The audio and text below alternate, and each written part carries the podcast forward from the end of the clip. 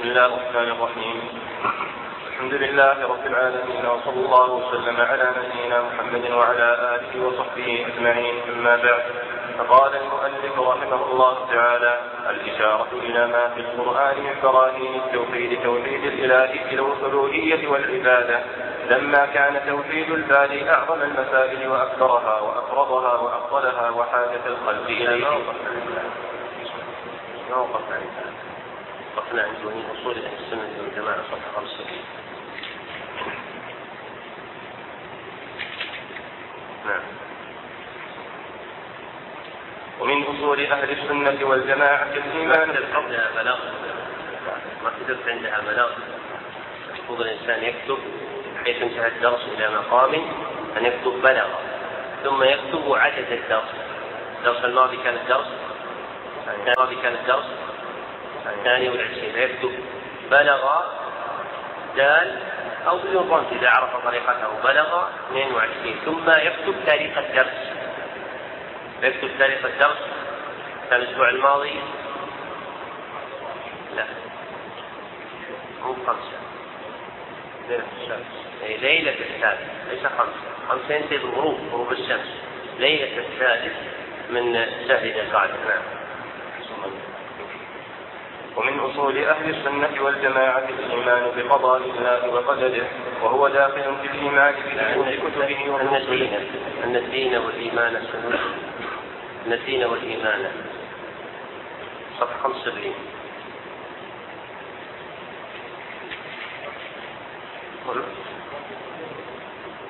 هذا النسخ تختلف لكن الرسول يحسن مع أن الدين والإيمان اسم يجمع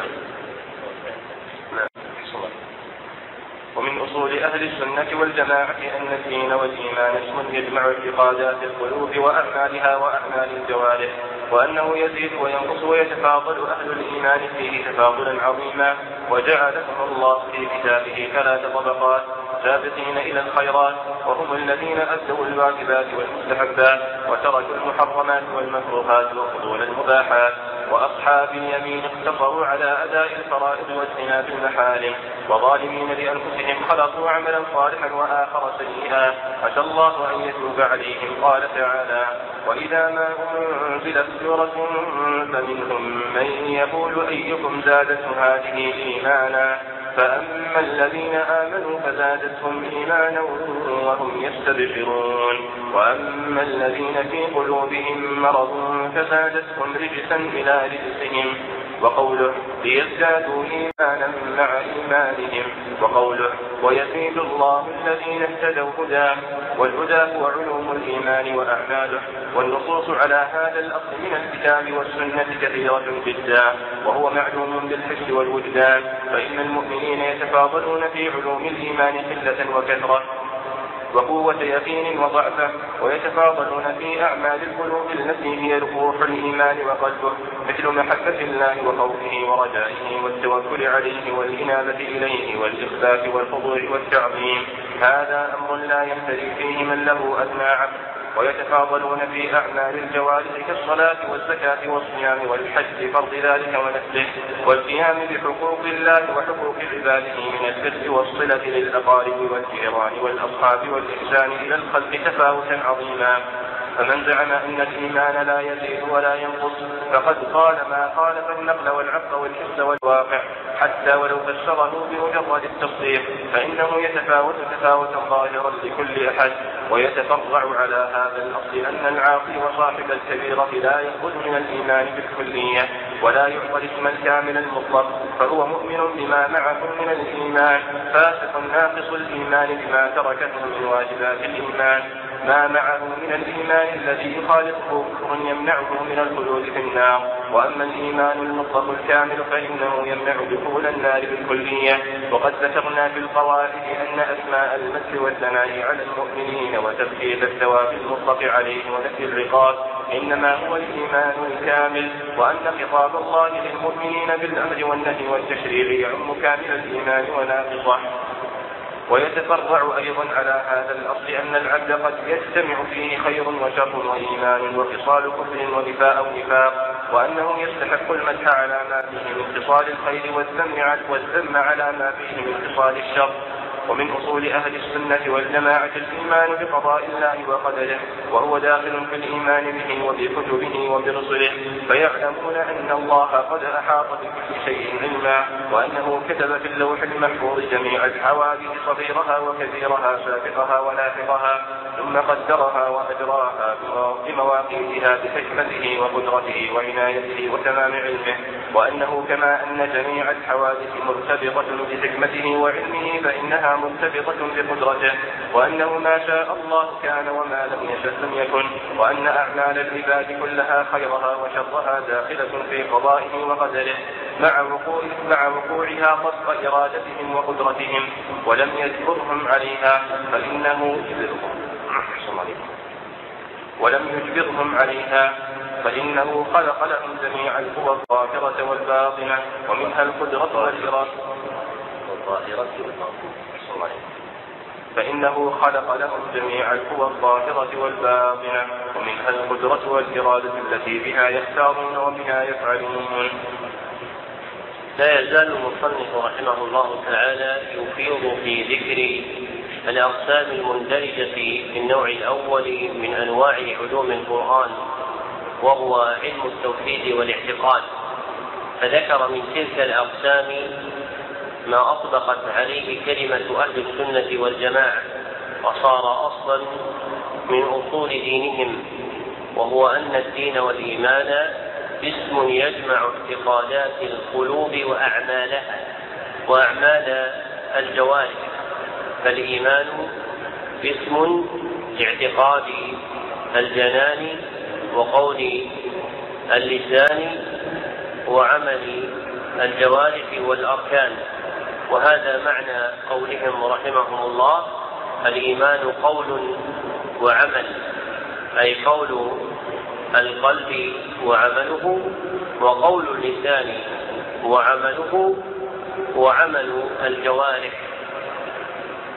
وقول القلب هو إقراره وعمله هو حركاته وإراداته.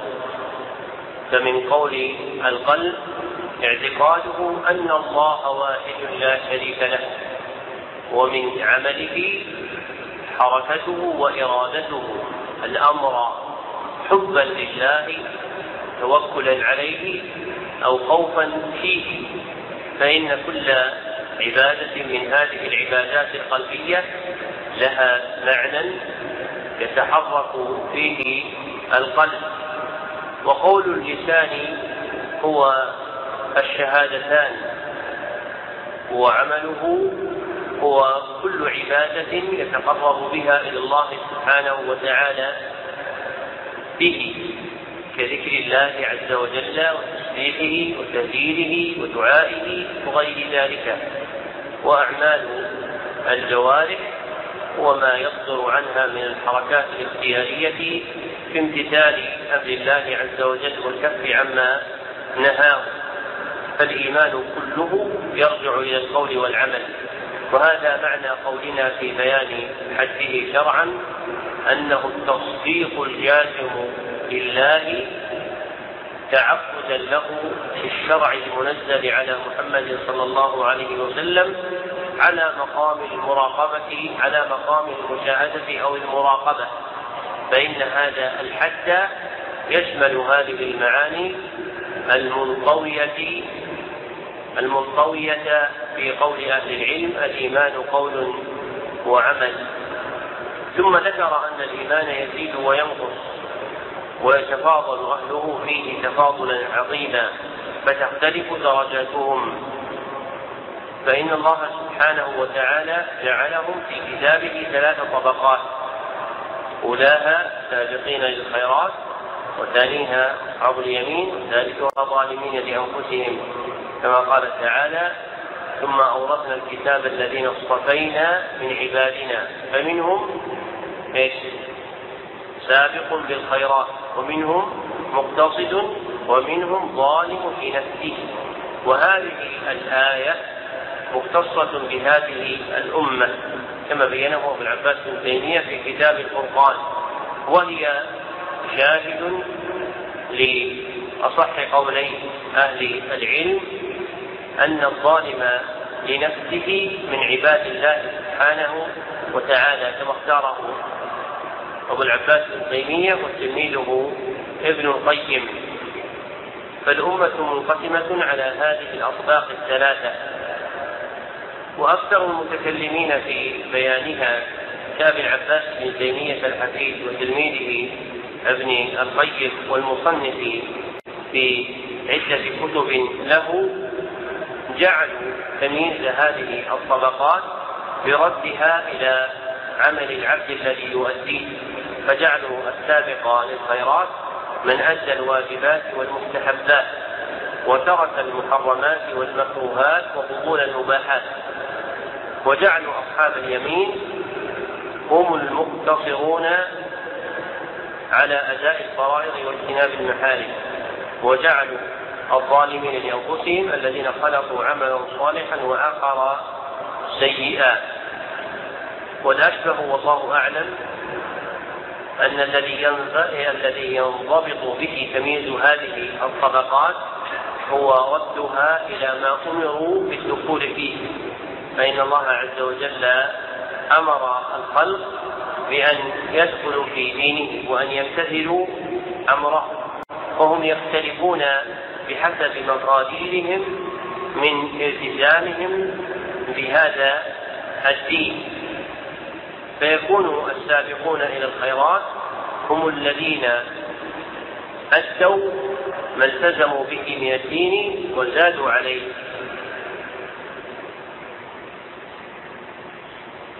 ويكون أصحاب اليمين هم الذين أدوا ما التزموا به من الدين دون زيادة.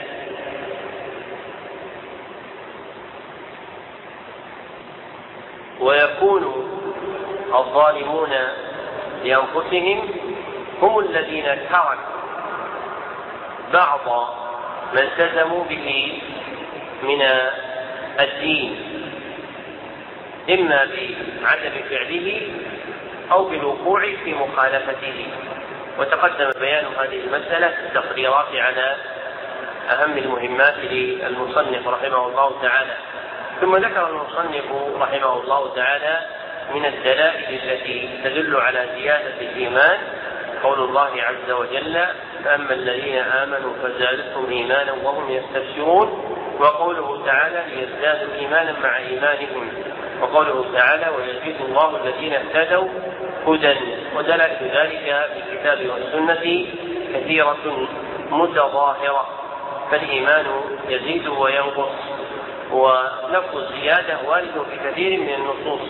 وأما لفظ النقص فقد خلت منه أكثر الأدلة حتى توقف فيه بعض الأجلة ومنهم الإمام مالك رحمه الله فإنه كان يقول الإيمان يزيد ولا يقول ينقص.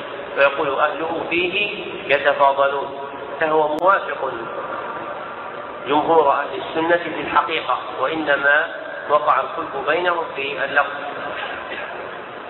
واستدل الترمذي رحمه الله تعالى من القدامى وتبعه حافظ الحكم في معارج القبول بدليل يدل على ورود لفظ النقص وهو إيش؟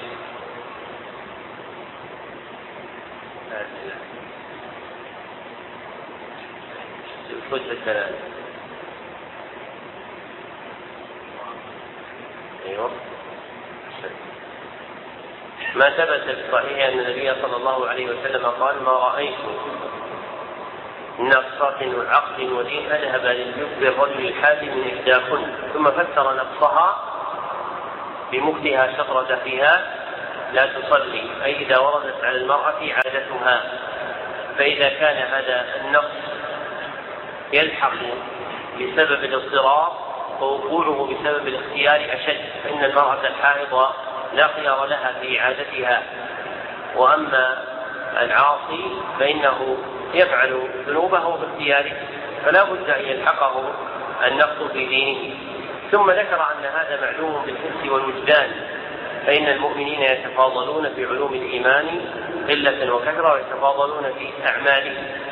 فتفاضلهم في حقائق الإيمان القلبية وفي أعمال الإيمان في القلب وفي الجوارح دال على تفاوتهم فيه. فمن زعم أن الإيمان لا يزيد ولا ينقص فقد خالف النقل والعقل والحس والواقع. حتى ولو فسره بمجرد التصديق كما يقوله من يقوله من المرجئة فإنه يتفاوت تفاوتا ظاهرا في كل أحد فالتصديق في نفسه يتفاوت أهله فيه. ثم ذكر أن من المتفرع عن هذا الأصل أن العاصي وصاحب الكبيرة أي الواقع في فعل الكبيرة والكبيرة شرعا هو ما نهي عنه على وجه التعظيم. كما قال تعالى اجتنبوا كبائر ما تنهون عنه وطرائق التعظيم مختلفة كما سبق بيانه في غير هذا المجلس. فمن وقعت منه كبيرة فإنه لا يخرج عن الإيمان بالكلية ولا يعطى الاسم الكامل المطلق أي لا يكون كان مؤمنا كامل الإيمان ولا يسلب كذلك اسم الإيمان فينفى من أهله بل هو مؤمن بما معه من الإيمان فاسق بما معه من الفسق فينقص إيمانه بقدر ما لحقه من نقص دينه. وما معه من الإيمان الذي لا يخالطه كفر يمنعه من الخلود في النار وأما الإيمان المطلق الكامل فإنه يمنع دخول النار بالكلية. وقد بين المصنف في القواعد التسان أن أسماء المدح والثناء على المؤمن وترتيب الثواب المطلق عليه ونفي العقاب إنما هو متعلق بالإيمان الكامل المطلق. فالإيمان الكامل المطلق هو الذي يتعلق به المدح والثواب ويمتنع دخول صاحبه النار. وأما مطلق الإيمان فلا يكون كذلك. فقد يعد العبد في المؤمنين وهو من أصحاب الكبائر. ثم قال وأن خطاب الله للمؤمنين بالأمر والنهي والتشريع يعم كامل الإيمان وناقصه فالآيات القرآنية المبتدأة بقول الله عز وجل يا أيها الذين آمنوا لا يراد بها مخاطبة كمل الايمان المتحققين به وإنما يراد بها كل من اتصف به قل قدره أو كثر من إيمانه إن كان كامل الإيمان أو ناقصه. ومن أسرار خطاب القرآن في النداء أن الله عز وجل لم يخاطب عباده بقوله تعالى يا أيها المسلمون وإنما جاء القرآن مملوءا بقوله تعالى يا أيها الذين آمنوا لأن اسم الإيمان موضوع لكمال الحال وإن وجد النقص في بعض أفراده والإسلام موضوع لنفس الحال وإن وجد الكمال في بعض أفراده كما قال الله سبحانه وتعالى قال في الأعراب آمنا. قل إيش؟ لا تقولوا. قالت الأعراب آمنا. واحد. قل لم تؤمنوا ولكن قولوا أسلمنا. فالإسلام أنقص درجة من الإيمان. فلنقصانه كما ذكر الله في آية الحجرات ذكر الله عز وجل نداءه عباده المؤمنين بقوله تعالى يا أيها الذين آمنوا ترقية لحالهم وتكميلا لمقامهم. ولم يذكرهم بقوله يا أيها المسلمون في آياته. ويتفرع أيضا عن هذا الأصل أن العبد قد يجتمع فيه خير وشر وإيمان وخصال كفر أو نفاق وأنه يستحق المدح على ما فيه من خصال الخير والذم على ما فيه من خصال الشر. وهذه من خصائص أهل السنة والجماعة التي فارقوا بها المعتزلة. القائلين إن الإيمان قول وعمل يزيد وينقص فإن الخوارج فإن الخوارج أقصد الخوارج ليس المعتزلة. فإن الخوارج يوافقون أهل السنة في حقيقة الإيمان وما يترتب عليه من الزيادة ولكن من الزيادة والنقص ولكنهم يفارقون أهل السنة فيما يقع به النقض. فإن أهل السنة يقولون إن فاعل الكبيرة لا يلحقه نقض بل يلحق نقص وهم يخصون النقص بفعل الصغائر. فوقع بينهم وبين أهل السنة والجماعة مفارقة من هذه الجهة. ثم ذكر المصنف رحمه الله تعالى اسما آخر من الأقسام المتعلقة بالنوع الأول من الاعتقاد والتوحيد وهو أن أهل السنة والجماعة يؤمنون بقضاء الله وقدره. وهو كما تقدم علم الله بالكائنات وكتابته لها ومشيئته وخلقه إياها. فإنها هذه فإن هذه هي حقيقة القدر شرعا. وهو داخل في الإيمان بالله وبكتبه وبرسله فيعلمون أن الله قد أحاط بكل شيء علما. فلا يفوت علمه شيء ولا يعزف عنه شيء.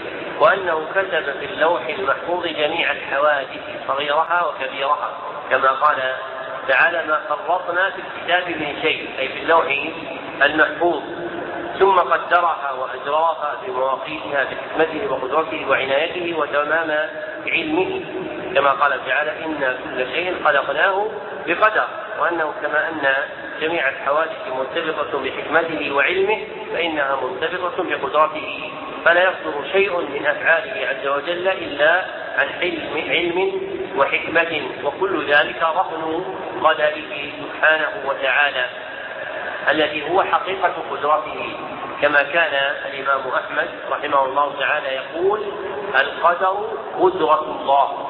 وكان أبو الوفاء بن عقيل الحنبلي يعجبه هذا ويستحسنه لأن حقيقة تصرف الله عز وجل بالقدر دال على قدرته فهو مرتبط بقدرة الله. فما شاء الله كان وما لم يشأ لم يكن. وأعمال العباد كلها خيرها وشرها داخلة في قضائه وقدرته لا تخرج عنه مع أنها تقع باختيارهم وقدرتهم ولم يجبرهم الله عليها كما قال الله سبحانه وتعالى وما تشاءون إلا أن يشاء الله. فجعل الله عز وجل لهم مشيئة وأثبت لهم اختيارا لكنه تابع لمشيئة الله عز وجل واختياره. والدال على كون الإنسان مختارا أن الله عز وجل مكنه من القوى الظاهرة والباطنة وجعل له قدرة وإرادة يختار ويتصرف بها.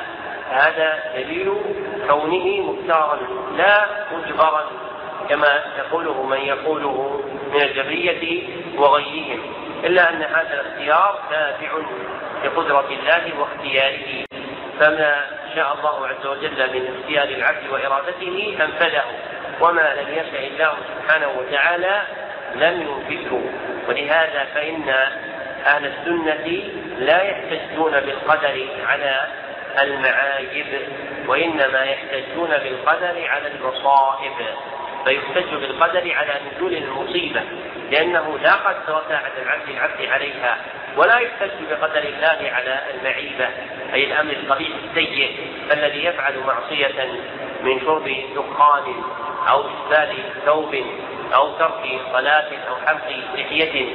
ثم يقول إن الله قدر علي ذلك. هذا كذب وظلم. فإن الله عز وجل لم يجبره على هذا بل جعل له اختيارا. ولا يحتج العبد بقدر الله على المعايب لأن الله جعل له قدرة وأمره بأمره. فيجب عليه يمتثل أمر الله سبحانه وتعالى تبعا لما جعل له من القدرة. فإن الذي أقدره على حلقها يقدره على تركها وإن الذي أقدره على إسبال ثوبه يقدره على رفعه كما أمر الشرع. وإنما يحتج بالقدر على المصائب. فإذا نزلت الإنسان مصيبة لا حول له ولا قوة فيها فإنه يرجع ذلك إلى قدر الله سبحانه وتعالى. والإنسان يقول في المصيبة إنا لله وإنا إليه راجعون ولا يقول في المعيبة إنا لله وإنا إليه راجعون.